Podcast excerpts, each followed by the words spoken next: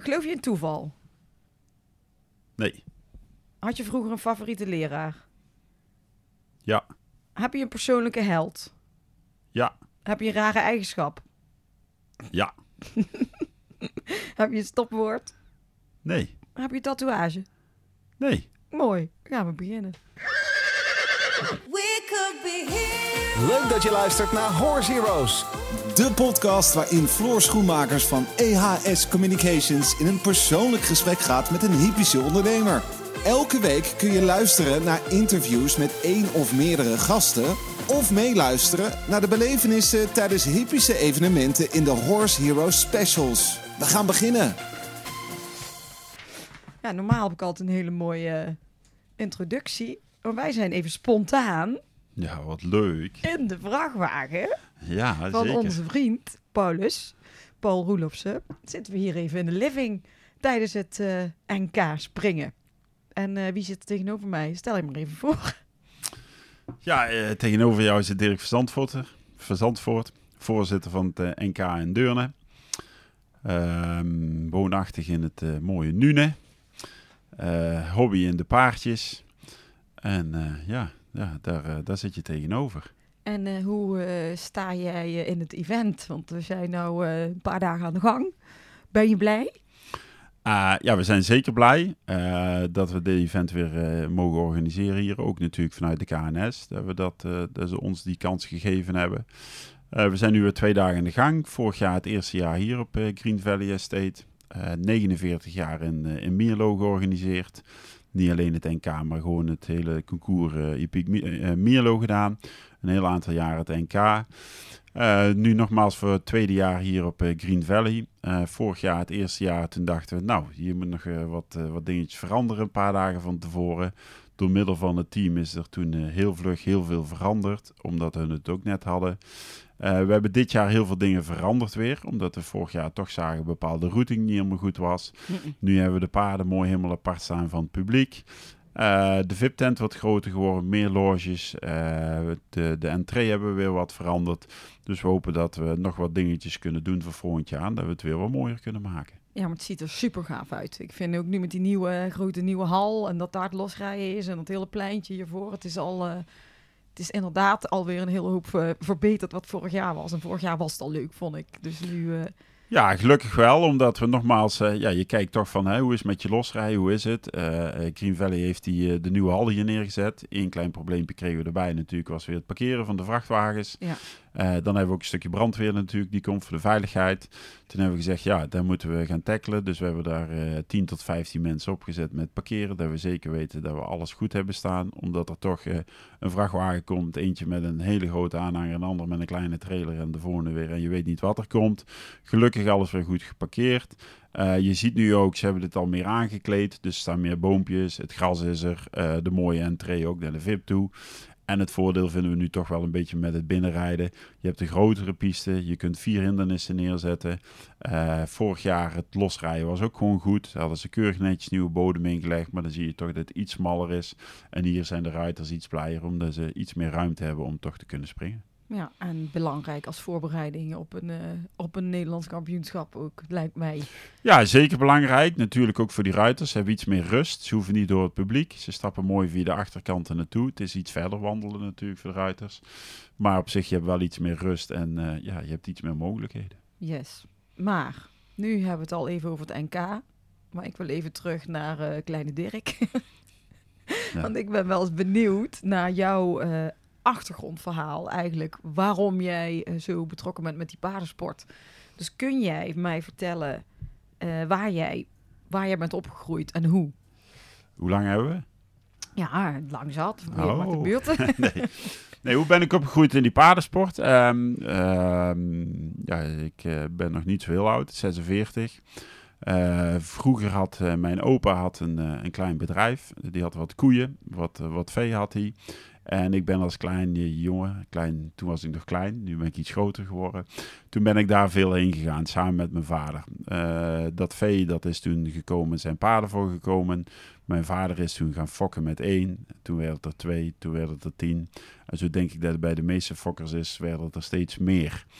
Eh, daar ben ik eigenlijk eh, altijd, was ik daar. Eh, waar, waar was dit? dit is in Nune, is dat Dat altijd was ook, je geweest. bent altijd nu geweest. Ja, ik ben in Gelderop geboren, maar daarna zijn we naar Nune verhuisd. Wij woonden wel gewoon in het dorp, omdat ja, wij hebben, onze ouders hadden, althans onze ouders, mijn ouders en zijn broer, die hebben het, de makelaardij en het architectenbureau zijn die mee begonnen.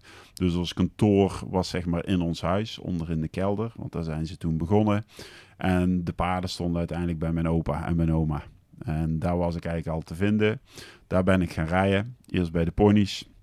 Toen gingen we nog met de tractor naar het concours. Ja, ja. Eerst mocht ik niet met de tractor rijden, omdat ik de leeftijd niet had.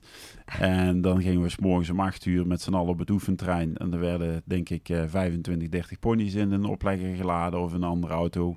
Ja, die kan er niet meer bij. Dan moest je stang maar iets harder aangeduwd worden, want hij moest toch mee op concours. dus dan ging je met z'n allen, dan ging je met de tuigenwagen, ging je dan eh, op concours, gezellig, parades, alles heb ik mee gedaan. Dus als klein jongetje mee voorop in de parade met een Shetlander. Eh, we weten volgens mij Postel Ceder toen nog. Maar hoe, hoe oud was jij toen je voor het ging 7, rijden, 6 of denk je? 7 denk ik dat ik in die tijd al was. Want ik mocht nog geen wedstrijd rijden, omdat ik veel te jong was. Maar ik mocht wel mee met de parade. Ja, en dan ja. voorop aan een touwtje. Eh, dat heb ik een aantal jaar gedaan. Eh, toen ben ik gaan springen. Dressuur, viertal, achttal hebben we altijd gedaan. Nou, toen was ik op een gegeven moment 16. Ik zei tegen mijn vader, kan ik ook niet gewoon met de tractor overal naar het concours? Ik zeg, want dan eh, haal ik mijn rijbewijs en kan ik toch overal naartoe. Ja. Dus tractorrijbewijs gehaald, zelf met de ponies overal naartoe geweest. Dressuur zag ik niet zo zitten, toen ben ik gaan springen. Eh, ik was niet zo'n hele professionele ruiter, want ik kon hem s'morgens wel eens uit de wei halen. Ik denk, ja, dat lukt ook wel. Maar dat ging toch niet altijd zo goed. Toen kwam ik er later achter dat dat wat minder was. Maar uiteindelijk heb ik dat best lang gedaan. Toen hadden we nog dat wij op zaterdag volgens mij altijd naar de meneges gingen. Eh dan gingen wij vaak in Aalswaleren, naar Van Dongen toe. En naar eh, Van Bommel in Aardriksel. Daar hadden we dan op zaterdagavond kon je oefen springen. Later is dat natuurlijk allemaal veel meer veranderd. Alleen toen werd ik nog wat groter en groter en groter. En mijn vader ging natuurlijk nog meer fokken, fokken, fokken. Toen ben ik naar de paarden gegaan. Toen zei mijn vader, ja, als je in de paarden wil, eh, dan moeten we toch een stukje verder. Eh, toen, Wa- eh, was jij enig kind? nee, ik heb nog een, een zus, een oudere zus en een jongere zus. Maar we reden eigenlijk alle drie. Toen hebben we, een, omdat bij mijn opa en oma konden we geen rijal bouwen. Toen hebben wij samen met de heer Ouwekerk, veearts, in, in Nune woonde die ook. Heeft mijn vader toen een rijal gebouwd, samen met hem. En dan konden wij daar binnen gaan oefenen. Dat was tien minuutjes eh, van onze stal af toen. Nou, wel, wel gaaf. Ja, dus in die tijd zijn we er gaan oefenen toen. Toen is de rijvereniging is daar gaan oefenen. Daar had je kantinetje bij, dus dat was ook allemaal mooi. Dus jullie hebben eigenlijk een heel stu- eh, stuk paardensport voor Nune gebouwd met jullie familie, als het daar hoort, met die binnenbak gebouwd en de Ja. rijvereniging. Toen wel, samen met de dierenarts toen dan, met Sip. Eh hebben, heeft hij toen gebouwd. En ja, de ponyclub, rijvereniging, menclub was het toen. Dus dat hebben we allemaal gedaan. Eh, toen, eh, toen denk ik, ja, springen is mooi. Maar uiteindelijk word ik toch wat groter. Ik ben eh 1,99 denk ik. Ik denk, dat is toch niet meer wat ik helemaal me wil. En toen ben ik eigenlijk aangespannen gaan rijden. Toen Oh, oh, ben ja? ik eerst enkelspannen heb ik altijd Maar gereden. hoe, eh, hoe, ou- hoe oud was je toen, toen je zegt ik stop met de...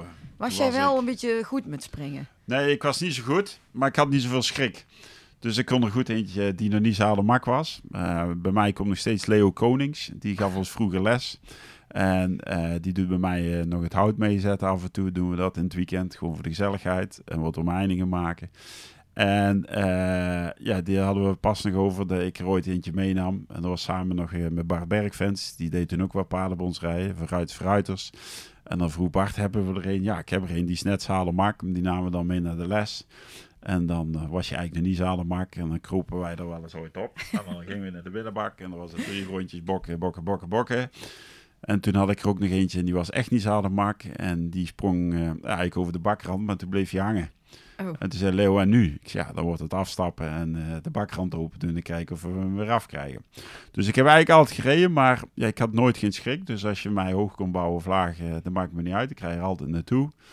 Ik heb eh, de laatste tien jaar misschien niet meer zoveel, maar de voorheen, als we lastige paarden hadden op concours, dan eh, niemand durfde erop te zeggen, kom maar, geef hem maar aan mij. En dan kroop ik er nog wel eens op. Dus daar heb ik nooit geen schrik gehad. Maar omdat ik zo groot werd, ja, heb ik gezegd, ik ga niet verder met de, met de springsport. En toen ben ik het mennen geda- gaan doen. En toen Ja. denk ik dat ik 15, 16 was. We reden voorheen altijd van die ritten nog. Mijn vader deed ook wat aangespannen rijden. Eerste Postel, de Vincent van Gogh rit. Eh, de, de Posteljonrit volgens mij. In Valkenswaard was dat tweede Pinksterdag denk ik altijd. Dus die heb ik veel gereden. Toen ben ik twee span gaan rijden. En er waren altijd de paarden die bij ons niet goed waren voor de springsport. Die deed ik dan inspannen. Dat heb ik jaren gedaan samen met eh Cor van de Kimbenade, bij ons uit, uit Nederwetten. Die deden ze dan tuigen en dan gingen we ermee verder rijden. Mm. Toen ben ik vanuit de mensport ben ik eigenlijk Ad Aarts gaan sponsoren. Toen een keer zijn we dat nog gaan doen, een aantal jaren geleden. En toen ben Wat, ik wat ben je gaan sponsoren? Ad Aarts zijn we toen gaan sponsoren. Oh, ja, ja, ja. Eh, omdat ik het een mooie sport vond. Maar dan ben ik al een heel aantal jaartjes verder. Maar ik heb dus eigenlijk twee span en vier span altijd gereden. En dat heb ik lang gedaan, heel lang. Vond ik ook heel mooi om te doen. Eh, om een stapje terug weer te doen, denk ik. eh, toen was mijn vader voorzitter van het NK eh vierspannen. Of het NK, het vierspanwedstrijden Deurne. Mhm. Ook op deze locatie, waar Green Valley nu op zit. En toen mocht ik altijd mee met hem natuurlijk. Toen moest ik of als eerste rijden, de hindernissen rijden. Of ik moest aan de klanten uitleggen hoe ze het parcours moesten lopen. Dus zodoende ben ik steeds verder in die sport gegaan. En dat heb ik daar een heel aantal jaren gedaan. Maar in die tijd dat jij met die paarden aan de gang was, zat je ook op school. Ja, dat is een goeie. Ik zat op school, ja.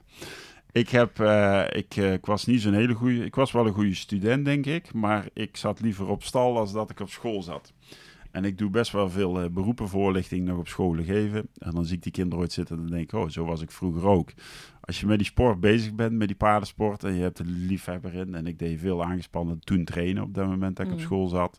Dacht ik maar één ding, naar huis en aangespannen rijden. Dus ik, eh, ja, ik mag dat niet altijd zeggen natuurlijk, want dan zeggen ze, oh, dat is een gek verhaal.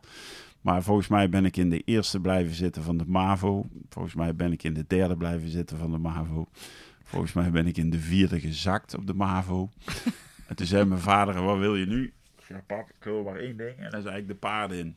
Ja. Hij zegt, dus goed, dat mag je proberen. Nou, ik had dat een tijd gedaan, maar ik denk, ja, dat is om nu op deze leeftijd ook al die paarden in te gaan, is toch wel heel jong.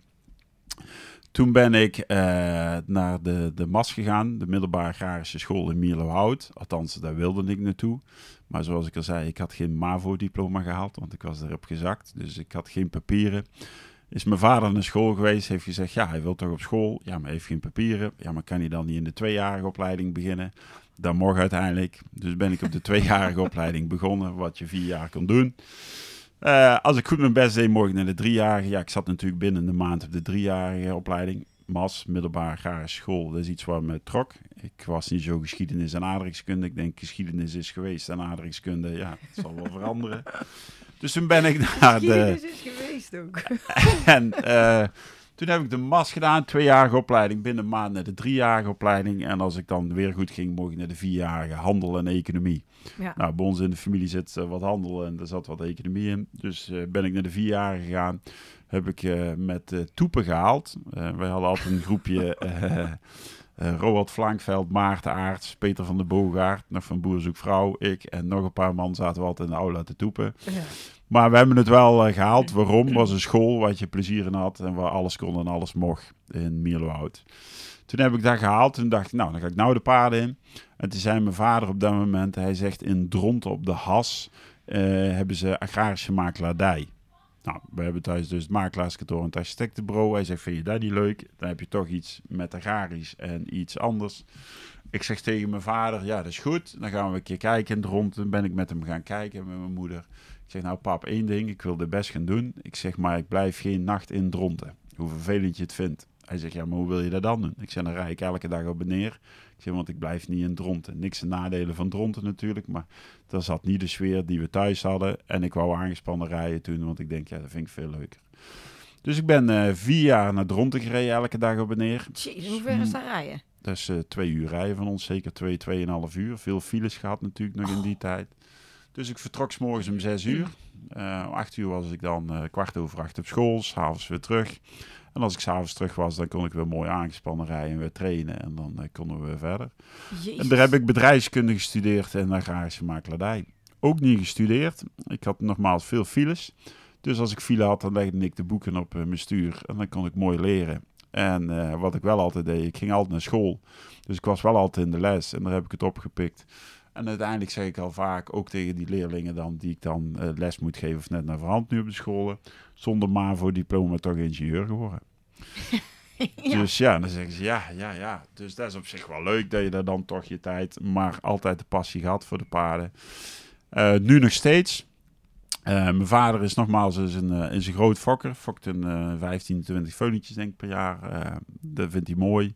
Ik heb meer voor de sport gekozen. Ik heb toen eh, meer naar leren kennen, eh, mijn partner. En toen zijn we samen veel op concours geweest. Ehm, toen, eh, toen werkte ik op een, op een agrarisch kantoor, een makelaarskantoor, waar voor mij moeilijk was natuurlijk om binnen te komen. Omdat ik eh, ja, een zoon van Verzandvoort was. En geen één makelaar wilde mij natuurlijk op kantoor hebben, want die denkt, dan komt hij hier het vak leren en dan is je weer weg. Ja, maar da- daar wil ik ook nog iets meer over weten. Hè, over dat stukje. Want jij zegt dat inderdaad. Dat is dat makelaarskantoor van vroeger al. Jullie, jullie vader eh, uit de familie was dat. Vertel daar eens wat over. Want hoe lang is, bestaat dat al? Eh, het kantoor eh, bestaat al heel lang natuurlijk. We zijn, volgens mij zijn ze 76 begonnen, mijn ouders. Mijn vader is de architect en zijn broer was de makelaar. Ja, Wij woonden in, woonden, wij wonen in Nune. Zijn broer woont in Eersel. Daar zijn ze met z'n tweeën begonnen. Nogmaals, allebei van thuis uit. Wij in de kelder waar het kantoor zat. En een stukje boven natuurlijk. Mijn oom in zijn huis. Ehm, ja, ik heb die school toen gedaan in Dronten. Ehm, onze ouders hebben eerst altijd gezegd: je mag niet thuis komen werken. Je gaat eerst twee, drie jaar ergens anders werken. Ik ben na school bij Van den Boer OG in Helvoort gaan werken. Bij Dree. Eh, want die kende ik via een kennis, heb ik die Mm. leren kennen.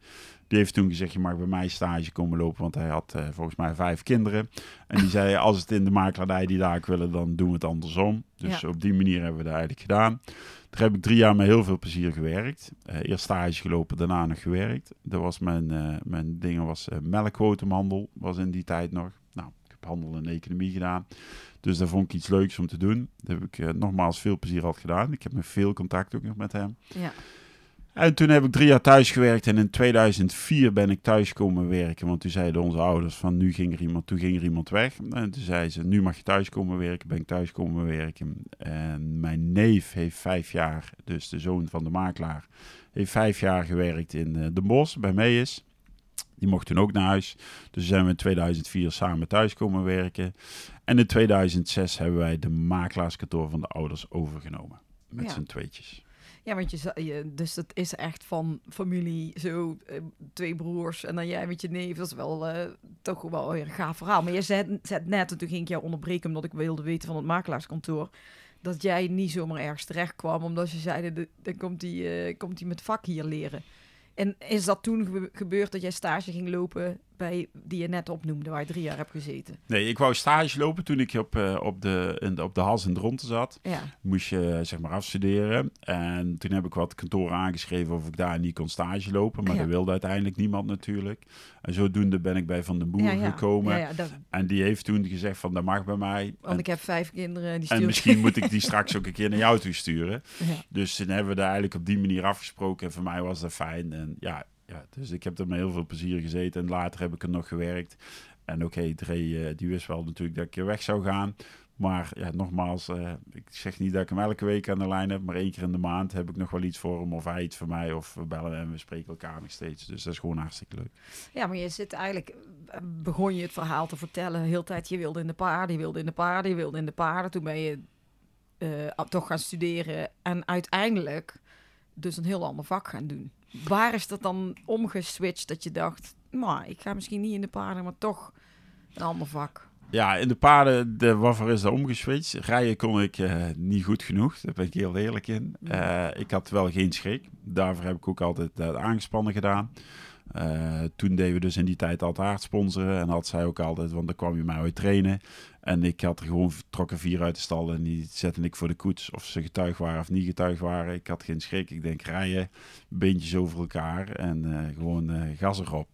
En had zij altijd, Dirk, doe alles eens vast en doe het eens goed. En hou het eens in de gaten. En ja, dus dat vond ik wel heel mooi. Maar als ik dan keek toen naar die mensport, wat je eigenlijk ervoor moest hebben. Twee koetsen, twee tuigen, vijf, zes paarden. Toen heb ik toch gedacht van ja, om die sport te doen moet ik er toch wel iets bij doen.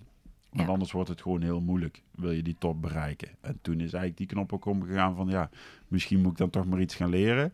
Zeker met die agrarische makelaardij, want omdat ik veel op concours kwam natuurlijk, ken je veel mensen, spreek je veel mensen. En die zeiden, heb je niet een boerderijtje of heb je iets anders? En zo is het eigenlijk een beetje gegroeid, dat ik toch van mijn hobby ja, mijn werk heb kunnen maken. Want nu ook doe ik bij ons natuurlijk de agrarische makelaardij. Ja. En dan zeker op paardenhouderij, dus je komt veel bij paardenbedrijven en veel bij andere mensen. Dus... eh, Ja, want je zei, je hebt eh, op een gegeven moment, jij en je neef zijn allebei terug naar huis gekomen om eh, verder te gaan werken thuis, zeg maar. Wat hield dat werk toen in? Ja, toen hield de werk in gewoon helemaal onderaan beginnen. Eh, we hoefden er gelukkig niet meer alleen te kopiëren. Eh, we mochten ook andere dingen doen. Eh, wat deed mijn oom toen? Die nam mij gewoon mee naar een adres. En die zegt, we gaan een verkoopgesprek.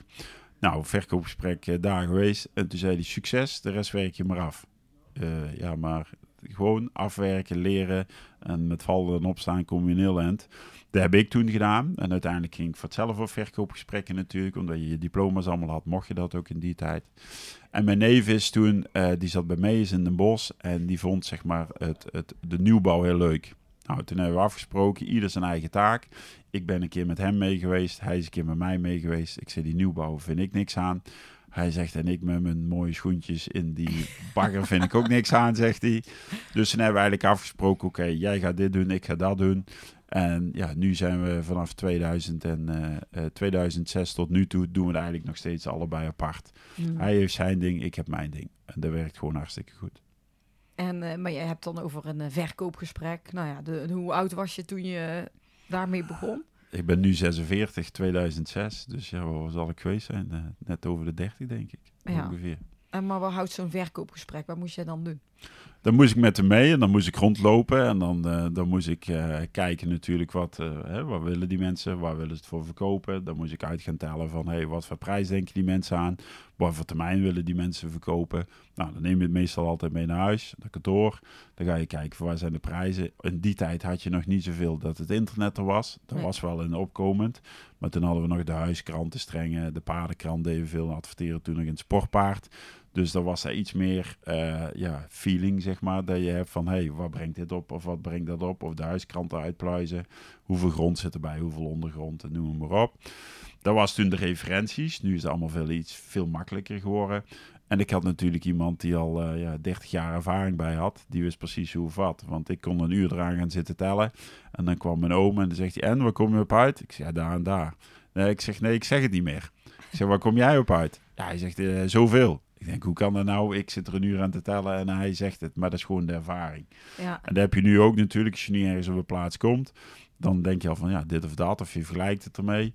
En dan vragen de klanten wel ooit, nou Dirk, wat denk je aan? En ik zeg altijd, ja, nogmaals, ik weet het niet. Ik moet het eerst uittellen op kantoor, maar je gevoel zegt dat. En dan ga je naar kantoor en dan tel je hem uit en dan denk je daar. maar heeft het voor jou en je neef eh, voordelen gehad dat jullie ehm, vaders eigenlijk dit vak al deden? Heeft wel voordelen gehad. Je had natuurlijk een goede opstart. Hè? Je had een bedrijf waar, eh, wat eigenlijk al helemaal draaide. Alleen nogmaals, in die tijd kwam internet heel erg in op. 2004 overgenomen. eh, ja, dan denk je, jonge ondernemers, eh, kom erop. We gaan door. We investeren veel. Nou, dan komt in 2006 natuurlijk mooie, mooie klappen. Of in 2006 hebben we toen overgenomen nogmaals. En toen flink geïnvesteerd. 2008, 2009 eh, krijgen we natuurlijk een hele mooie crisis. En eh, toen dachten we, ja, nu? We hadden op dat moment eh, zes vestigingen. En toen dachten we, we gaan terug naar drie vestigingen. Nou, dan heb je gesprekken met je ouders en die zeggen, ja, we gaan niet terug naar drie. Wat wij opgebouwd hebben, dat blijft. Je zorgt maar dat je je, je ondernemerschap anders aanpast. En toen hebben we eigenlijk gezegd, nou gaan we eens kijken naar alle kosten. Eh, want je neemt wel een activa-passiva transactie gedaan. Dus je neemt eigenlijk alles over van je ouders. En ja, dat was, dat was goed, dat was mooi.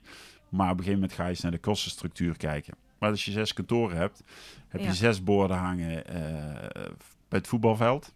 Voetbalveld in Eersel, voetbalveld in Eindhoven, voetbalveld in Deurne, noem het maar op. Je hebt zes hockey, eh hockeydingen Ja, dat je ja, sponsort. Er zaten allemaal contracten van twee, drie jaar. Die contracten hebben we toen allemaal opgezegd. Ook vervelend voor die clubs natuurlijk. Maar ja, je moet wel kijken. Je moet ondernemer zijn. Eh, elke maandagmorgen kwam op alle zesde vestigingen een vers bosje bloemen. Bij wijze van voor 17,5 euro is dat nu een kunstbloempje. Eh, papier, daar ga je meer denken, hey, hoe kun je dat doen? Dus meer met de computer werken, minder papier bestellen. Tot aan de vuilniscontainer toe hebben we dat eigenlijk toen uitgezocht. En toen hebben wij de tijd van 2009 tot 13, 14 gelukkig kunnen overleven. Mm. Omdat de ouders gezegd hebben, je moet echt ondernemen. Wij hebben die tijd ook gehad in de jaren 80, was de rente hoog. En dat hebben we toen met z'n tweeën gedaan. En dat is eh, goed gelukt. Want hij zegt, als het daar beter wordt, dan zit je ook meteen vooraan in de rij. Nou, dat is uiteindelijk eh, mooi gegroeid. Ja, want ik weet met die zes kantoren inderdaad. Maar is dat, was dat al, eh, daar hebben jij en je neef opgezet? Of waren Nee, die we er al hadden je- er toen eh, vijf. Eh, wij zaten toen in, eh, in Nune. Van oudsher dan nog in Eersel, in Deurne en Helmond. En in Reuzel hadden wij een kantoor. En uiteindelijk eh, hebben wij toen Eindhoven erbij gedaan. Omdat Pieter zei, mijn neef van Eindhoven is een booming business. Ja, Hè, de- Daar zit ASML, daar zit Philips, daar zit van alles, daar zit VDL, eh, noem ze allemaal maar op. Dus veel mensen die huizen moeten hebben. Dus zijn we in Eindhoven begonnen. Dat was eigenlijk wel dicht voor de Kempen en voor Nune bij ons, hè, eh, de kantoren. Maar uiteindelijk een hele goede zet geweest. Want nu in deze tijd zien we ook natuurlijk dat in Eindhoven ja, de experts en alles allemaal daar zitten. Dus Ja. zijn wij heel blij dat we, daar, eh, dat we daar die vestiging nog hebben. En we hebben toen wel het kantoor in Reuzel zijn we toen eh, hebben we wel gesloten, geen personeel meer. Daar hebben we nog wel gewoon etalage, maar uiteindelijk geen personeel meer op en hoe ziet het bedrijf er nu uit? Ja, hoe ziet het bedrijf er nu uit? We zitten ongeveer met een, eh, ik denk totaal met z'n allen rond de 55 mensen. Maar als bedrijf, veel mensen kennen mij natuurlijk van Verzand voor het Landelijk Wonen. Ja. Eh, maar dat is eigenlijk het kleinste deeltje van ons van de taart. Onze core business is nieuwbouw en bestaande bouw. Eh, wij hebben verzand voor makelaars. We hebben verzand voor het landelijk wonen, is apart. Ehm, we hebben eh, verzand voor het advies. Dus puur bestemmingsplannen en RO. Eh, ben ik een aantal jaren geleden opgestart, want ik miste niet ons bedrijf. Dan hebben we het bedrijf Interessant. Eh, wij zijn interessante hypotheken en verzekeringen. Nou, interessant, de hypotheken en verzekeringen. Nogmaals, je bent intermediair voor die mensen. En wij dachten Zandvoort, daar maken we interessant van. Dat hebben ze wel zo goed verzonnen. Dus dat hebben we toen gedaan. Eh, toen zijn we nog, eh, eh, we hebben nog een bedrijf dat heet Lemon Suites. Dus puur de verhuur. Dus voor het vastgoed dat we die mensen ontzorgen voordat de huurcentjes allemaal netjes binnenkomen. Dat zijn we toen nog gaan doen. Dan hebben we nog Sold, S-A-U-L-T. Sold zijn eigenlijk de panden boven de miljoen. Ja, Eh, daar hebben we nog een bedrijf voor. Dat doen we veel met eh Baars en Co. samen. En daarna zijn we, vorig jaar zijn we samen met eh, Arthur Rodenburg nog Grant Estates begonnen. Grant Estates is eigenlijk het, eh, de paardenobjecten en het luxere vastgoed in België en in Nederland. Omdat die markt natuurlijk ook weer wat groter is in België. ja. De paardenmensen daar willen zitten. En Arthur ken ik van vroeger uit goed. En zijn zus Martine ken ik goed. Daar hebben we ooit een, eh, een paardenobject voor in de verkoop gehad. Zo samen wat gegroeid. Hij wil verder in die paarden. En een beetje hetzelfde type als ik. Dus eh, ook eh, doorwerken en gas erop. En ja, dat, zo is daar weer Kranten steeds eh, eh, begonnen. Super, ja, maar ik hoor nou ook allemaal dingen dat ik denk, huh, dat wist ik helemaal niet. Ik weet, ik weet wel wat dingen, maar wat jij vertelde ook over dat interessant en over Solt en over... eh, Ja, dat is wat ik zeg. De meeste mensen weten het niet. Ik had eh, twee weken geleden een lezing in Mare Kessel. Die hadden gevraagd of wij een stukje over het stikstof wilden komen vertellen. Ja. Maar dat moest twee uur duren. Ik zei nou, twee uur over de stikstof, dat lukt wel. Maar eh, op deze tijd. Maar is wel eh, dat we dachten van ja, dus ik heb gezegd ik zal een stukje over het waarderen en taxeren. En toen heb ik ook die sheet laten zien van wat voor bedrijven hebben we nu eigenlijk allemaal. En dat is ook waarvoor ik zeg, de meeste mensen kennen mij vanuit landelijk wonen, omdat we er natuurlijk best veel adverteren en eigenlijk gedaan. Maar ja, we zijn eigenlijk veel groter. Daarvoor Ja. zitten we ook eh, met al die mensen. Ja. En ja, de- mijn, mijn vader heeft nog steeds wel het architectenbureau. Eh, ja, dat, dat doen ze nog samen. En zijn broer, eh, die is, ja, is, hoe is hij, 77, 78 denk ik, die is mijn oom. En die komen nog gewoon elke dag naar kantoor. Dus het is gewoon helemaal nog een groot familiebedrijf. En helemaal knetter trots. Knetter trots, zeker omdat wij natuurlijk als twee jonge hondjes eh, toch wel weer uitgebouwd hebben. Ja. En het voordeel is ook, kijk, twee broers is altijd iets anders dan twee neven. Ja, Maar dat is ook wat we in het begin gezegd hebben. We willen het echt apart opsplitsen. Hij zijn ding, ik mijn ding. Eh, we bellen misschien één keer in de twee, drie weken met elkaar. Maar we hebben gewoon één keer in de maand een vergadering. En dan zitten we met z'n allen bij elkaar en dan doen we doorspreken hoe of wat. En eh, Pieter is eh, meer het, eh, het, het nieuwe, het, het, het vernieuwen van het bedrijf. Mm. En ik kijk op de achtergrond mee, dus ik doe een stukje personeel en administratie bij ons En-. Pieter is helemaal geen paardenmens. Pieter is wel een paardenmens, maar nee. Houdt niet van vieze voeten. Nou, nee, hij houdt wel van vieze voeten. Hij is het absoluut niet, want dat heeft hij vroeger ook gedaan. Hij heeft vroeger ook gereden, Ja. maar het is niet zijn passie. Nee. Hij, is, ja, hij zal niet zeggen, ik kom drie dagen naar het NK-deur kijken. Hij komt wel een dag, maar het is niet dat hij hier drie dagen staat. En waarom? Je ziet toch veel mensen, net als Verguns fan, eh, bouwbedrijven zeg maar. Ja. Daar hebben wij ook wel veel mee te maken, die toch weer iets in de paden zitten. En zo ontmoet je ook wel veel mensen. Kijk, en hier op het NK, je moet natuurlijk sponsors regelen. Ja, we hebben een groot netwerk. Dus de meeste sponsors die ik toch vaak benader is vanuit het netwerk, vanuit kantoor. Ja. Dus zodoende heeft hij er wel affiniteit mee. En ehm, zijn jouw ouders allebei nog in leven? Ja, vader en moeder allebei nog in leven. En Ja. die komen ook hier? Ja, mijn, eh, mijn vader is nogmaals eh, die fokker, dat vindt hij mooi. Ehm, ik heb ooit wel eens gezegd, je bent vermeerderaar, want je hebt er zoveel. Maar ja, dat is zijn passie. Ja. Eh, we hebben er wel eens ooit wat woorden over gehad. En op een gegeven moment hebben we gezegd, ehm, jij gaat jouw kant op met de paarden en ik ga mijn kant op. Ik heb veel paarden samen met Leon Thijs op dit moment. Waarom? Mijn dochtertje zit volop in die sport. Die vindt het mooi. Moeder vindt het ook mooi. En ik natuurlijk ook. Ik heb één dochtertje. Eén dochtertje, Een één dochter. Ik wou zeggen, Ze is wat heel groot. Ze is 14 jaar. Ja. En ehm, een aantal jaar geleden, omdat mijn vader fokte, wou ik zelf ook wat, eh, wat merries hebben. En toen ben ik eh, met Leon eigenlijk dat gaan doen, samen. Mm. En toen heeft Leon gezegd, de paarden die mij niet meer in de topsport kunnen, die komen uiteindelijk naar mij. Daar ga ik mee fokken. En zodoende hebben we die band samen opgebouwd. Dat doen we denk ik nu al 11 of 12 jaar. En eh, eh, dus ja, mijn vader is, eh, nogmaals om daarop terug te komen, die is wel hier. Waarom? Eh, een paar maanden geleden heeft hij twee van zijn beste paarden heeft hij naar zijn kleindochter gebracht. En eentje zou op het NK meelopen, maar die hadden we nog net iets te kort. Dus daar heb ik tegen hem gezegd, we laten hem hier in het 1,40 lopen. Dus hij komt elke dag naar zijn kleindochter kijken. En Oh. mijn moeder ook. Dus dat is wel heel mooi. Dus Ja. ja, trots Ja. opa en oma denk ik nu. ja, daar snap ik ook. Ja. Maar eh, jij zegt, ja, je dochtertje die 14 is en hier gewoon super eh, gaaf meerijdt al. Ja, had zij vanaf kleins af aan ook al eh de hele ding met paarden? Van kleins af aan heeft ze dat gehad, natuurlijk. Je moeder is een fanatiek altijd in de paarden geweest. Daarvoor zijn we altijd samen concours geweest. Ik ben altijd heel fanatiek in die paardensport geweest, wat ik net verteld heb. En, nog steeds, want ik vind het nog steeds heel leuk om te doen. Zij heeft de ponytjes gedaan. Ja, de ponies. Ik heb wel altijd één ding, heeft me ooit iemand verteld. Je moet eh, ponies kopen, eh, wat duurdere ponies, want het is allemaal geleend geld. Ik denk, ja, ik kocht een ponytje, een B-ponytje volgens mij voor 7.500. Toen dacht ik al, een B-pony voor 7.500, moet niet gekker worden. Ja, Maar het werd een setje van 12,5, 15 en op een gegeven moment werden er deze dat ik dacht, het moet echt niet gekker worden. Maar nogmaals, die man die tegen mij zegt, Dirk, het is geleend geld. Je koopt goede ponies en dat adviseer ik echt iedereen als ze het financieel kunnen, want dat is natuurlijk het belangrijkste, want die sport is wel duur. Eh, maar dat heb ik uiteindelijk gedaan. Maar ik heb ook een jonge pony gekocht, ook een vierjarige ooit. Maar die wel heel lekker sprong. Die heeft ze allemaal zelf opgeleid.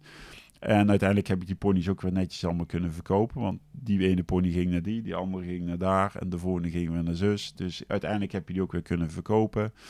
Toen nogmaals met Leon al eh, best veel contact. En toen heeft mijn dochter eerst eh, volgens mij eh, Bulasco van Leon gekregen. ja. Die heeft Sanne gereden en volgens mij Mans uiteindelijk ook nog. En later heeft ze Amber Gambler van Leon gekregen. De hengst die, die eerst onder Kent Farrington natuurlijk goed gelopen heeft nog. En met Mel heeft hij nog heel goed gelopen. Die kregen alleen al, we waren allebei ouder. Uh, kregen alleen ja, helaas een blessuretje erbij. Eh, toen heeft Leon weer gezorgd dat ze een andere kreeg. En een vijfjarige. Het enige wat Leon heeft gezegd, je moet eh, mee naar eh, Portugal gaan. Ja, naar Portugal. Wij waren er nooit zo ver weg geweest. Maar Leon heeft gezegd, je moet mee naar Portugal gaan, want daar leert ze paardrijden. Nou, wij zijn eh, met Leon en eh, met heel de familie eigenlijk eh, naar Portugal gegaan. Heb ik gehoord in een andere podcast.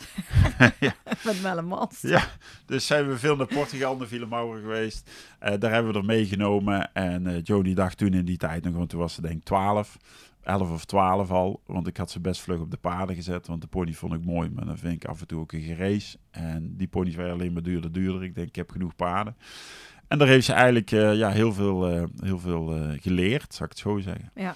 Drie weken daar, vier paarden mee of vijf. En Leon als begeleider erbij op dat moment. En, en nogmaals, daar heeft ze het geleerd.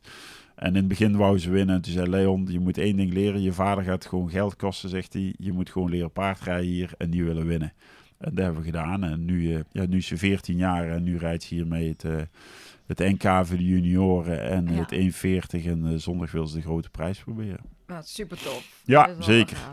Hey, en je begon het hele verhaal begon natuurlijk over het NK en hoe jij erbij betrokken bent en eh, wat je hier allemaal doet. Hoe ben jij ooit bij het NK betrokken geraakt? Eh, ik heb verschillende besturen gedaan natuurlijk. Ik heb KNS-bestuur een tijd gezeten, maar dat was niet helemaal mijn hobby. Ehm, toen heb ik eh, een aantal jaar bij het KWPN gedaan, afdeling het Zuiden. Ik heb zes jaar volgens mij in het bestuur gezeten, vier jaar eh, voorzitter geweest. Drie jaar, vier jaar, ik weet het al niet meer. De veulenveiling heb ik gedaan altijd, de celveulenveiling. Ehm, daarna ben ik nog, nu doe ik nog Borkelo, de veulenveiling. Ehm, hoe ben ik toen bij het NK gekomen? Eh, dat was eigenlijk, eh, ik kwam er veel. Gerbert Boeien, eh, die zat al heel lang in het bestuur met zijn vader. Toen deed Erwin Vlieshout, die was voorzitter in Milo op dat moment. En Erwin heeft toen aangegeven van, ik wil er eigenlijk mee stoppen. Nou, Gerbert kende ik al lang. En ik denk dat ik nog, ik weet niet meer de exacte datum, maar we waren op terugweg van skivakantie. En toen belde Gerbert op. Hij zegt, Dirk, eh, Erwin is ermee gestopt. En Ja. die heeft aangegeven ermee willen stoppen. Eh, we zoeken voorzitter. Ik zeg, ja, proficiat. Ik zeg, en nu? Ja, wil toch eigenlijk dat jij dat doet? Niet bellen. Ik zeg, ja, eh, Gerbert is mooi, maar ik weet niet hoe of wat. Nee, zegt hij, wij regelen dat wel. En toen heb ik op dat moment in april meteen het NK gedaan.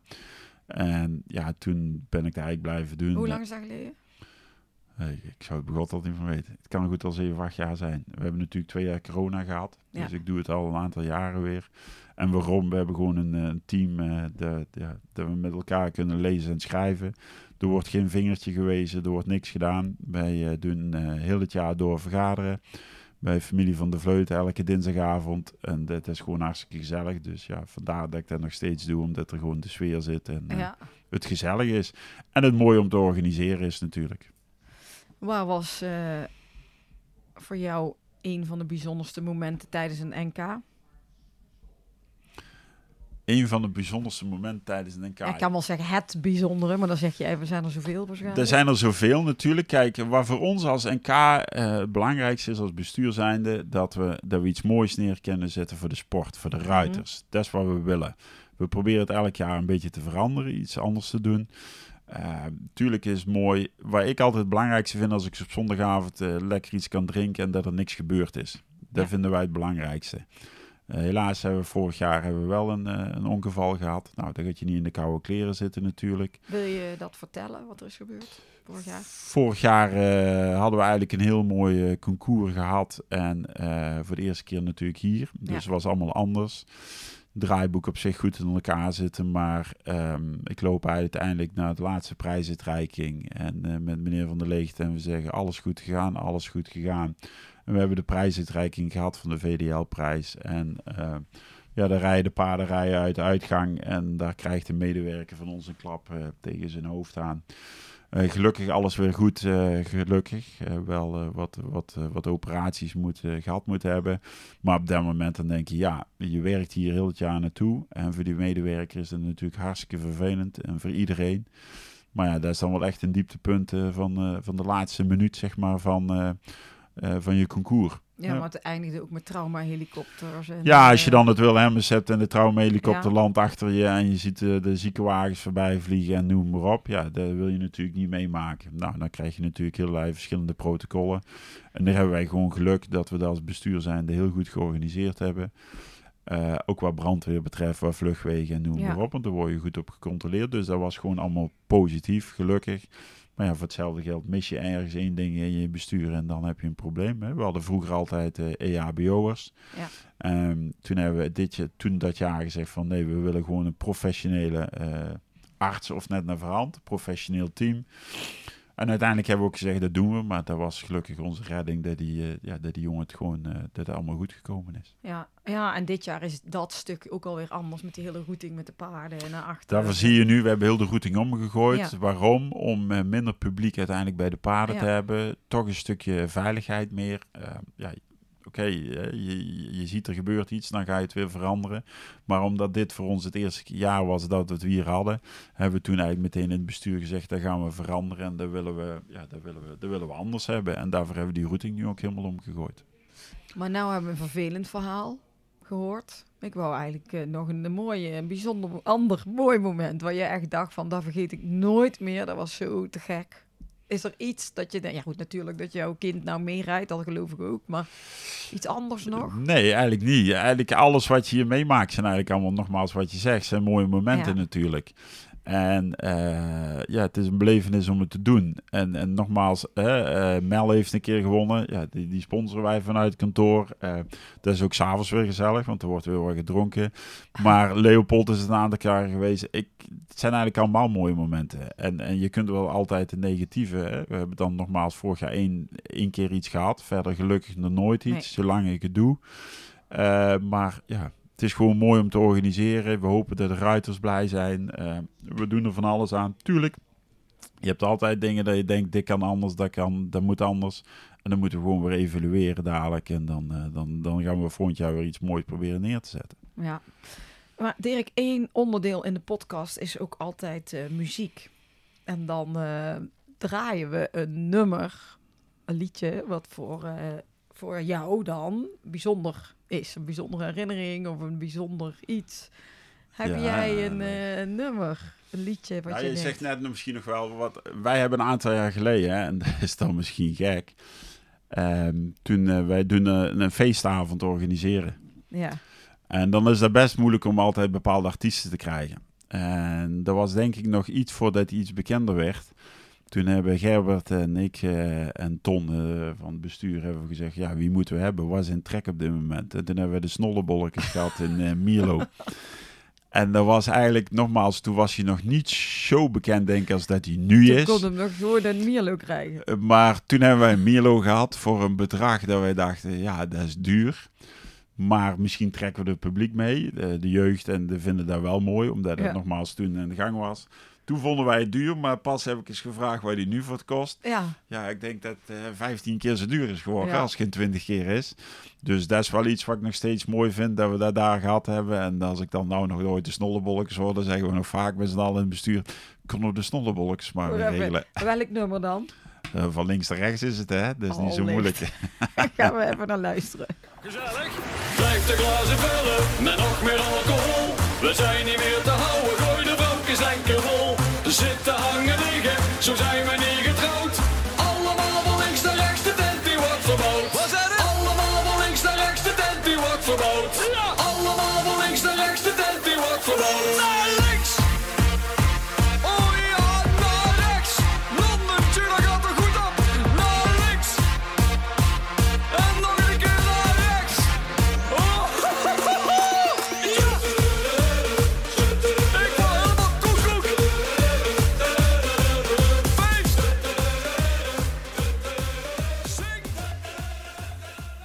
Maar oké, we hebben net eh snollebolletjes. Dus jij hebt toen ook beest aan feesten. Want volgens mij eh, vind je het ook wel gezellig, de feestjes. Ah, feestavonden ben ik meestal wel eh, aanwezig, ja. en ja. wat gebeurt er dit jaar op de NK? We hebben vanavond hebben we Django Wagner uit mijn hoofd. Morgenavond hebben we Monique Smit. En eh, zondagavond heeft Miel iemand geregeld. Want wij hebben altijd gezegd op zondagavond is onze avond. Als, we, als het afgelopen is, Ja, dan zijn de meeste mensen naar huis. En dan hebben wij eigenlijk als bestuur zijnde eh, de fijnste avond. We hebben in Mierlo gehad dat wij s'avonds om een uur of eh, vier, half vijf naar huis gingen. En dat we nog gewoon plezier hadden. Zeker omdat het dan allemaal goed afgesloten is en dingen. Dus meestal regelt uh, op zondagavond een verrassing. aparte verrassing voor een ons met z'n allen. Ja, gezellig. En even ook een dingetje waar natuurlijk heel eh, veel over gesproken wordt en eh, gedaan met het hele paardenwelzijn eh, verhaal. Ik zie dat hier om de ring ook borden hangen van verboden om over de hek te klimmen of de ring in te gaan. Heeft dat daarmee te maken? Of hebben jullie daar iets op voorbereid? Of er, op- Nou, we hebben natuurlijk wel wat dingetjes meegemaakt op bepaalde evenementen. Dat er Ja. mensen zijn die iets anders denken over onze sport. Ja, We hebben hier natuurlijk wel met topsport te maken. Ehm, als je kijkt naar de stal ook. ehm, Bij, bij ons krijgen ze allemaal stro. Ehm, ik zag sommige paarden in de stal staan. En ik denk, heeft hij nou één hele grote pak stro in de stal of een kleine pak? Maar het zijn allemaal de grote pakken, denk ik, per box. Dus je wil het welzijn van de paarden goed hebben. Ze moeten hier topsport leveren. Maar we hebben ook mensen die er natuurlijk iets anders over denken.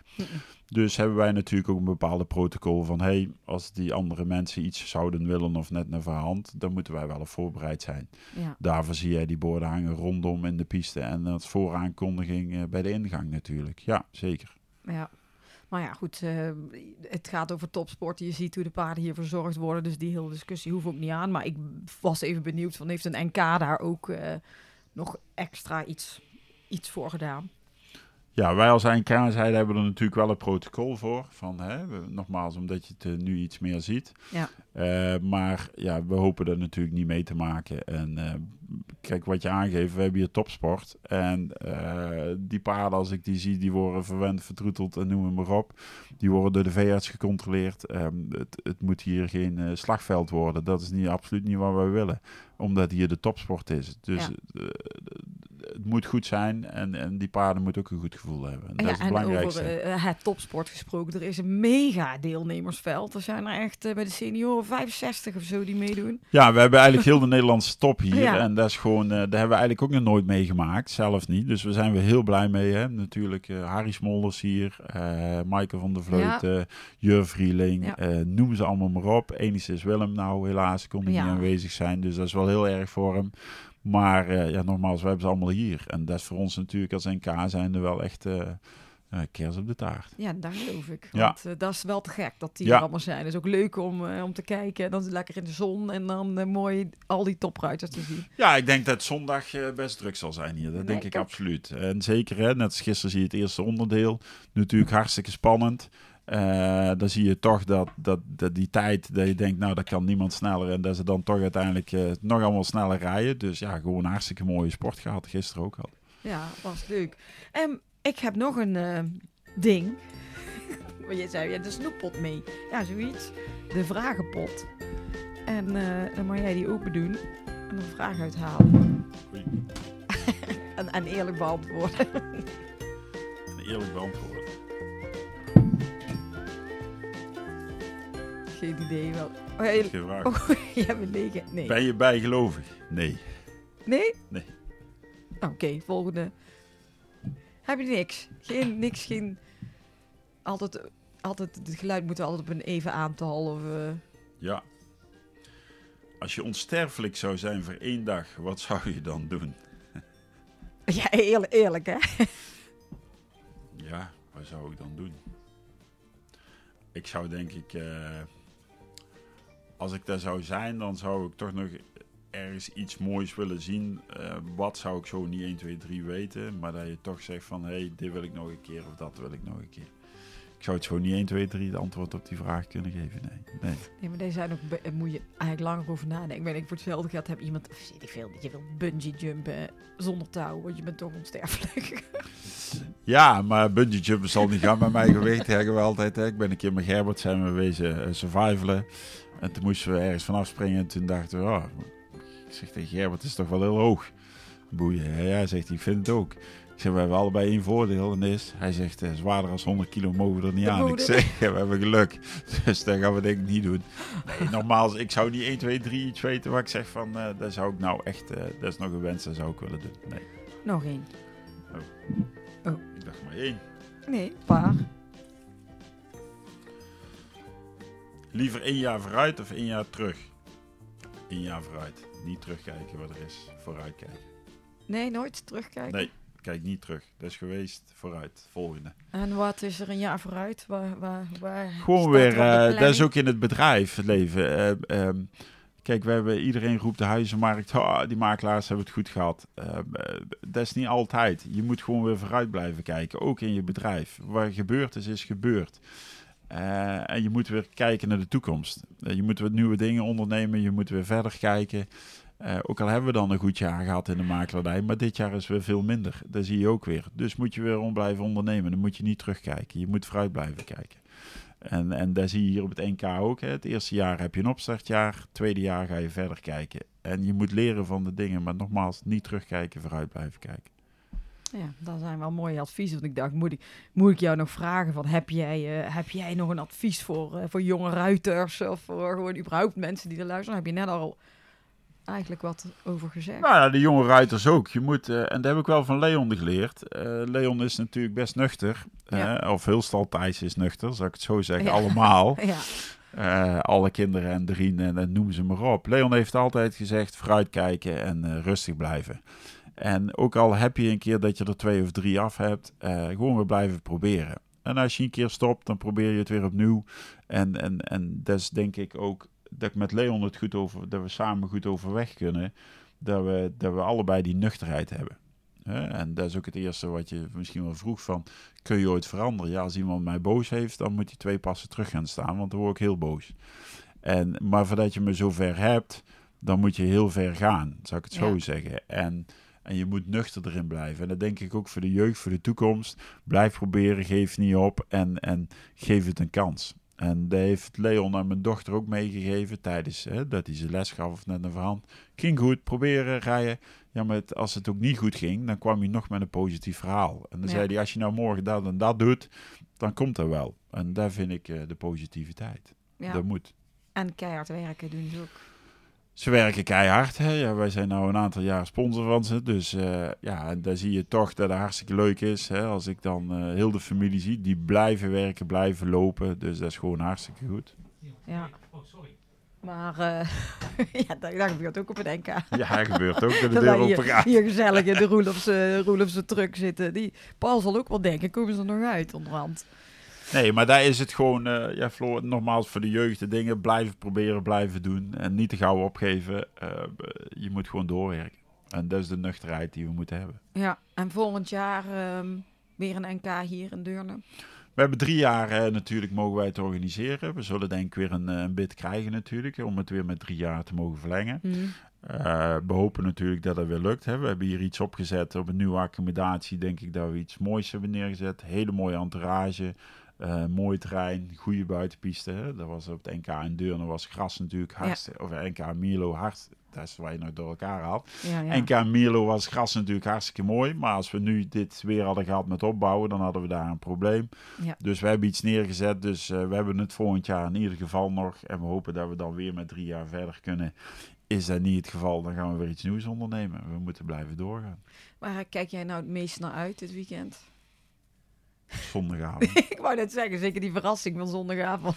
Nee, zondagavond kijk het mee. Kijk, je bent een jaar aan het opbouwen. En nogmaals, wat ik net zeg, hè, we doen eh, elke dinsdag één keer in de maand dinsdagavond vergaderen.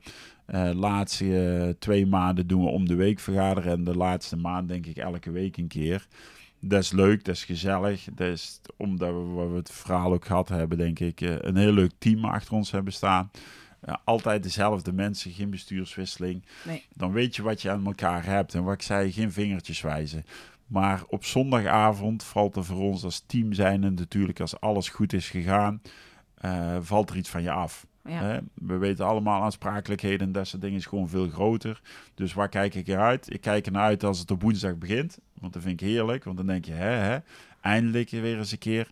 Maar als je dan op zondagavond de prijsuitreiking is geweest en eh, de kampioenen zijn gehuldigd, Ja. dan hebben wij eh, ja, toch echt wel het meeste plezier, zullen we het zo zeggen. ja, dat herken ik wel van evenementen. Dat, je, dat is, je hebt natuurlijk zo'n adrenaline de, al die dagen dat het evenement speelt. En als het af is gelopen. Ja, als het afgelopen is, dan valt er iets van je af. En Ja. natuurlijk, wij doen elke avond nog even vergaderen. Ook hier met, eh, met Green Valley, de eigenaren ervan. hey, Ja. wat moet anders, wat moet dit of wat moet dat? En dan gaat gewoon een goede harmonie. Dat Ja. wil dus gewoon zeggen, lekker glas wijn erbij. En eh, iemand maakt aantekeningen. En, en eh, dat is ook het compliment naar Green Valley toe. We hebben nu een heel nat, eh, nat, nat terrein natuurlijk wat parkeren betreft. Want er was... Meteen die snippers gisteren. En Rob zegt, ik regel dat voor jou, die snippers zijn er. En ze lossen het ook op, ze proberen het te, te doen. Ze proberen het niet, ze doen het. Ja. En iets wat je afspreekt met hun. En daarvoor denk ik dat hier ook heel goed klikt. Nuchtere mensen, harde werkers. Ja. En wij als bestuur zijn ook nuchtere mensen, maar ook harde werkers. En dan, dan kun je dat samen doen. En Ja. dan kom je een heel eind. Nou, ik eh, wens jou nog een heel eh, tof weekend. Dat gaat zeker lukken. Dan ga ik weer gauw, want eh, je Ik- had het gezien hè, Ik op heb je telefoon. Ik, zie je al loeren naar dat ding. Nee, maar nou, nou ga ik je niet meer lastigvallen. Ik heb je gevangen in de vrachtwagen. We hebben een mooi interview gedaan. Ik wens jou super mooi weekend. Veel plezier. Dankjewel. En bedankt voor het luisteren. Graag gedaan. We could be heroes.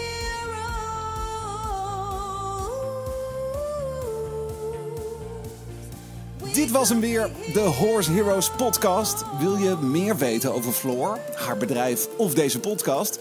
Kijk dan even op de website van ehscommunications.nl. En wat je ook zeker even moet doen, is je abonneren op deze podcast om geen enkele aflevering te missen. Het zou helemaal top zijn als je dan meteen een beoordeling achterlaat. Tot volgende week!